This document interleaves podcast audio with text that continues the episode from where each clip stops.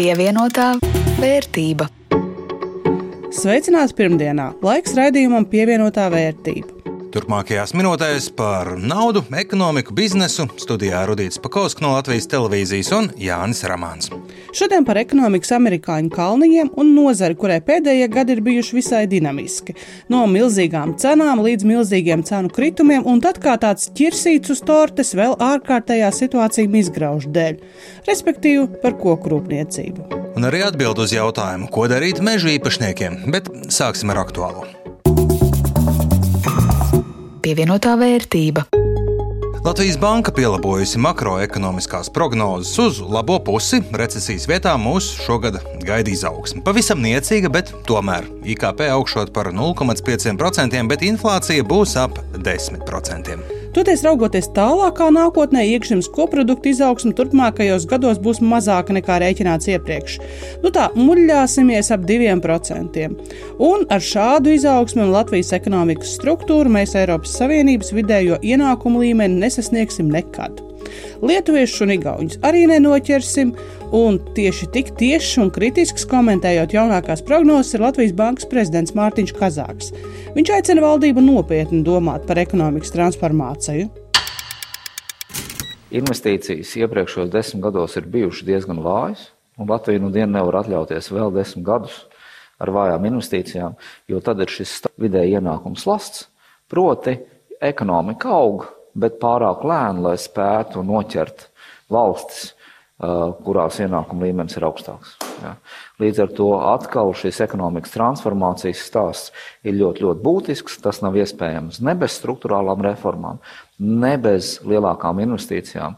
Un, ja mēs runājam par investīcijām, tad, protams, šeit arī ļoti liela loma ir gan uzņēmumu ambīcijām investēt, gan videi, kurā uzņēmumi darbojas, gan, protams, arī uh, finanšu sektoram, jo īpaši bankām, kādas ir banku gaidas no ekonomikas un redzējums par kreditēšanas attīstību. Īstermiņa skats uz ekonomiku, lai gan uzlabots, tomēr nevar teikt, ka tas būtu skaists. Inflācijas sarukums Latvijā būs vēlāk nekā citvietā Eiropā. Mēs jau te savā starpā esam par to runājuši, bet no arī Latvijas bankas ekonomists sāk norādīt, ka apmēram trešo daļu no cenu kāpuma Latvijā veido faktori, kas nav saistīti ar globālajām tendencēm.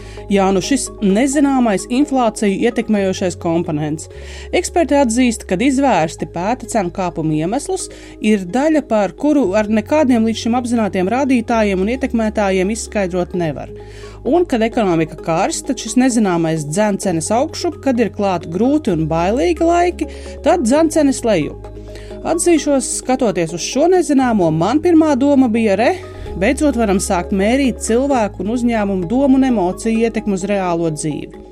Ja visi gaida cenas kāpjam vai krītam, tad pie mazākajām svārstībām reaģējam visi kopā un īpaši asi. Nu, tas kā tumšā vakarā pa spocīgu pārkējot. Katrs sīkums nobēdē līdz sirmiem matiem un skrējienam uz tuvāko latēnu. Tā, tā versija interesanta. Savukārt Inna Steinbuka no Fiskālās disciplīnas padomas atzīstot, ka arī viņai nav skaidrs, kas ir šis nezināmais inflāciju ietekmējošais faktors un rosina padomāt. Varbūt tā parādās ēnu ekonomikā ekonomika vai konkurences trūkums. Varbūt aplošņu algas faktiski paceļ tās, tās reālas nu, ienākumus, vai nu, ka alga varētu vai ienākumi varētu īstenībā pieaugt straujāk nekā to uzrāda oficiālie dati. Un otrais arī tā ir hipotēze, bet kā mums liekas, kā mums ir ar, kā mums veicās ar konkurenci?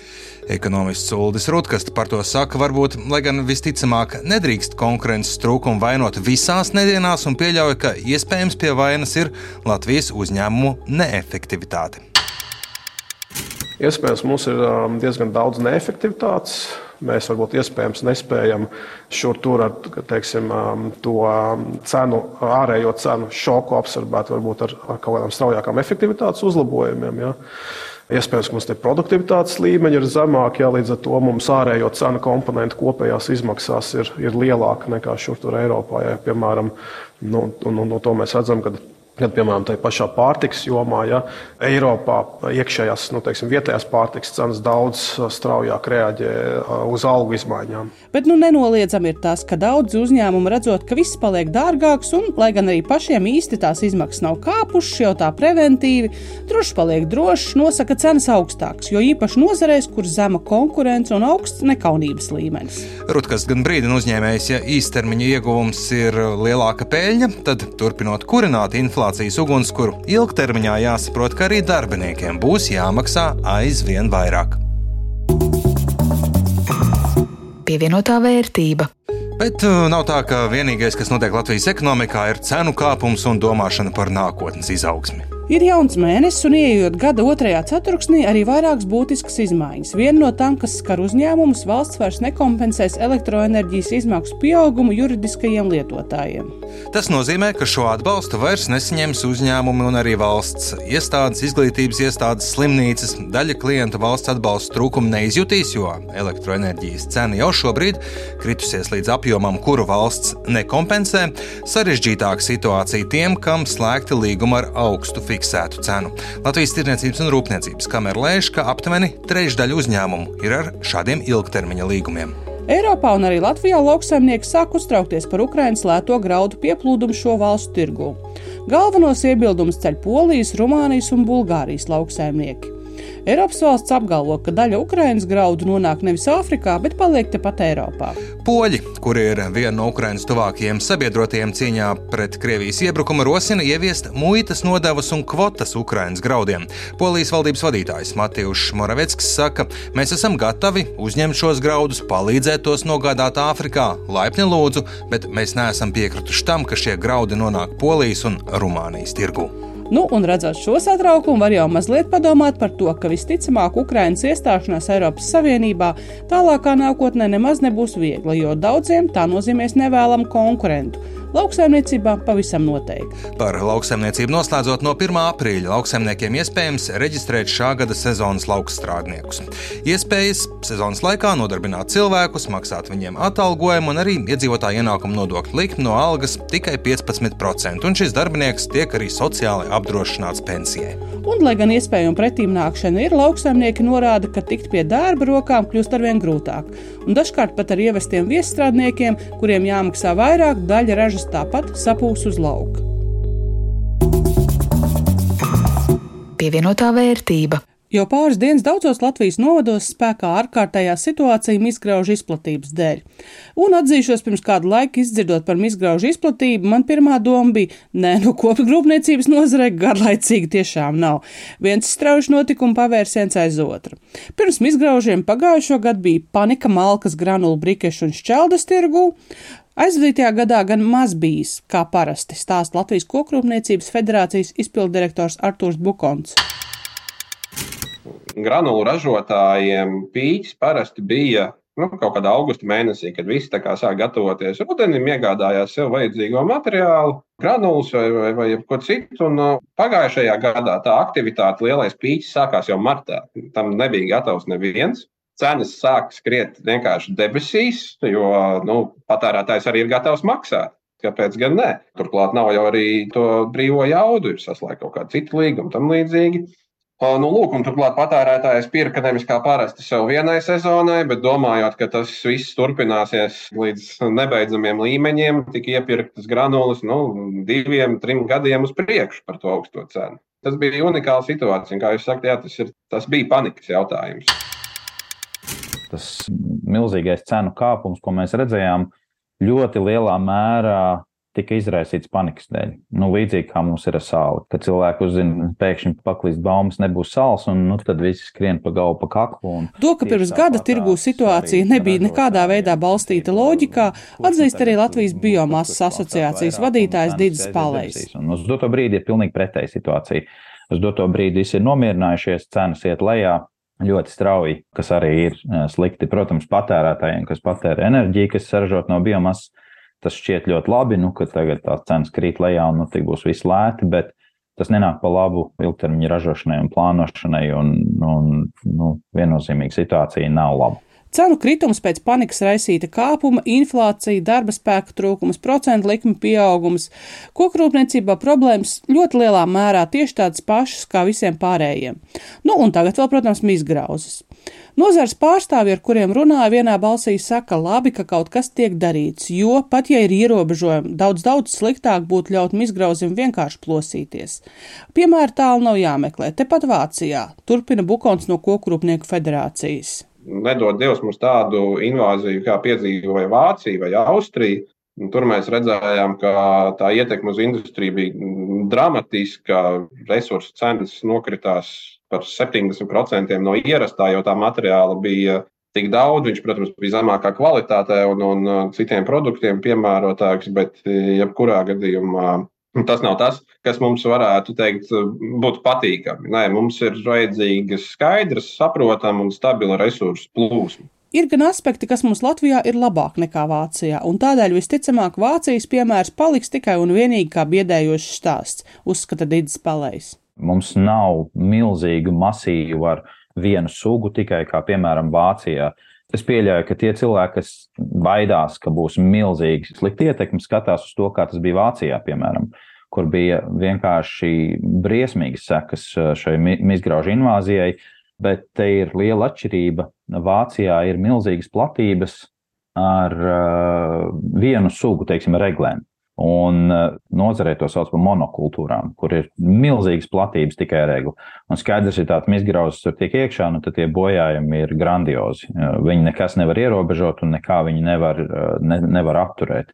Un Vācijā turpat nonāca līdz tam, ka dabūja nocirst milzīgas platības nacionālos parkus, kur bija egļu, egļu platības, lielas, simtgadīgi egļu platības. Dabūja nocirst pilnīgi visu, jā, jo viss nograusts, viss ir pagalām. Būtiskas izmaiņas tirgū kopumā negaida, jo lielākie spēlētāji jau iepriekš pamanījuši izgraužu risku un to ņēmuši vērā.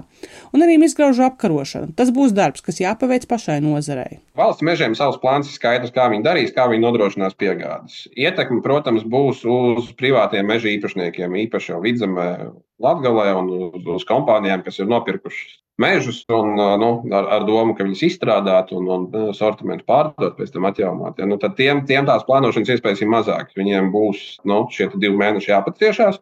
Tāpat laikā nekas jau nav apstājies un izstrāde notiekās. Un, uh, tas materiāls, kas ir nozāģēts, viņš ir jāpievada pie ceļa un jāaiztransportē uz piegādes vietām. Tie darbi turpināsies jebkurā gadījumā, jo tos kokus nu, nedrīkst arī atstāt tīri daļai izgrauž, viņus mežā neviens neatstās.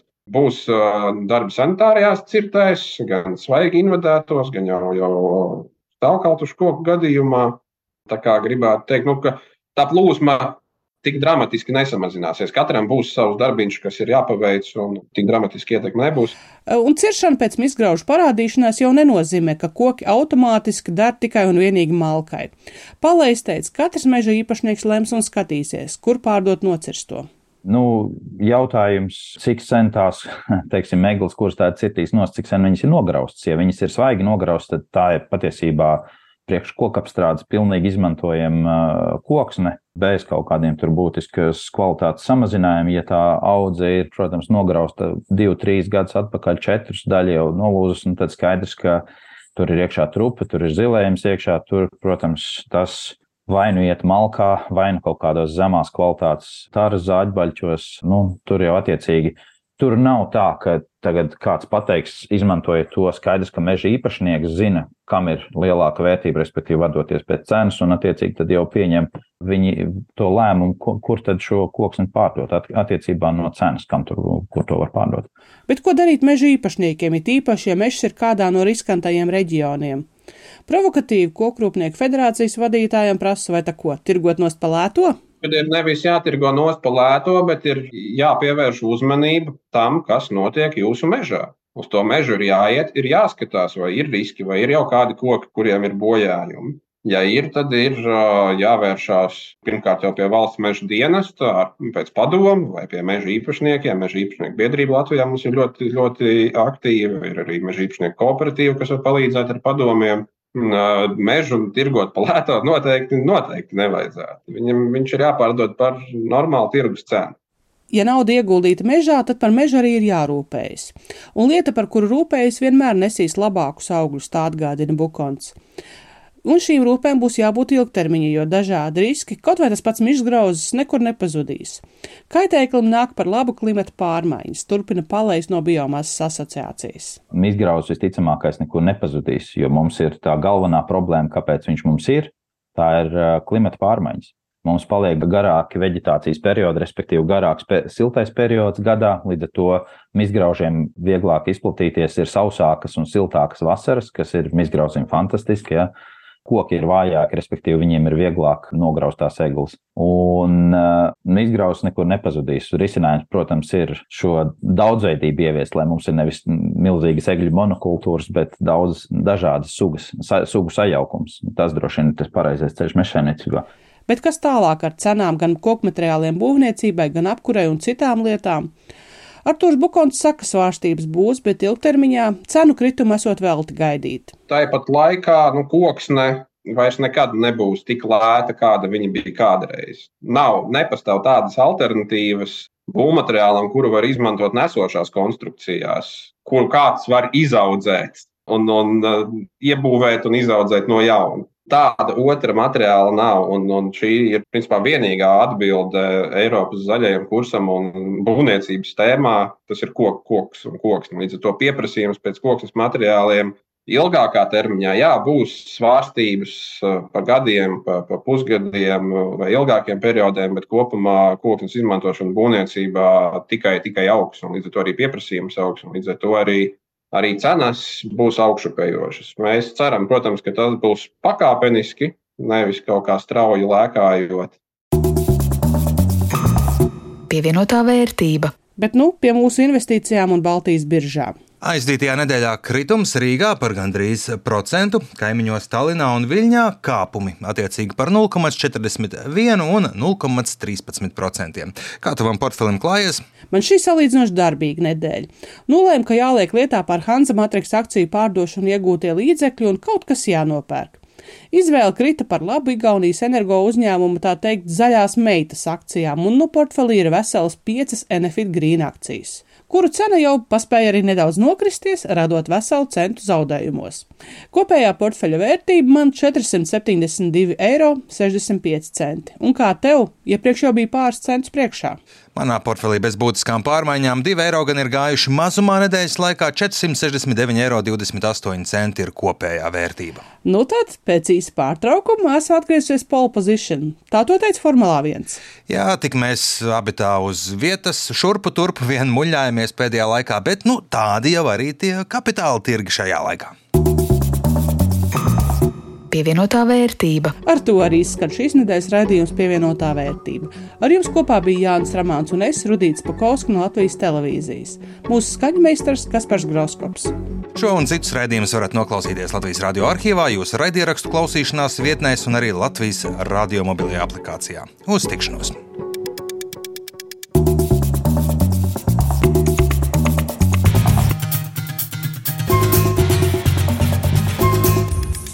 Pievienotā vērtība.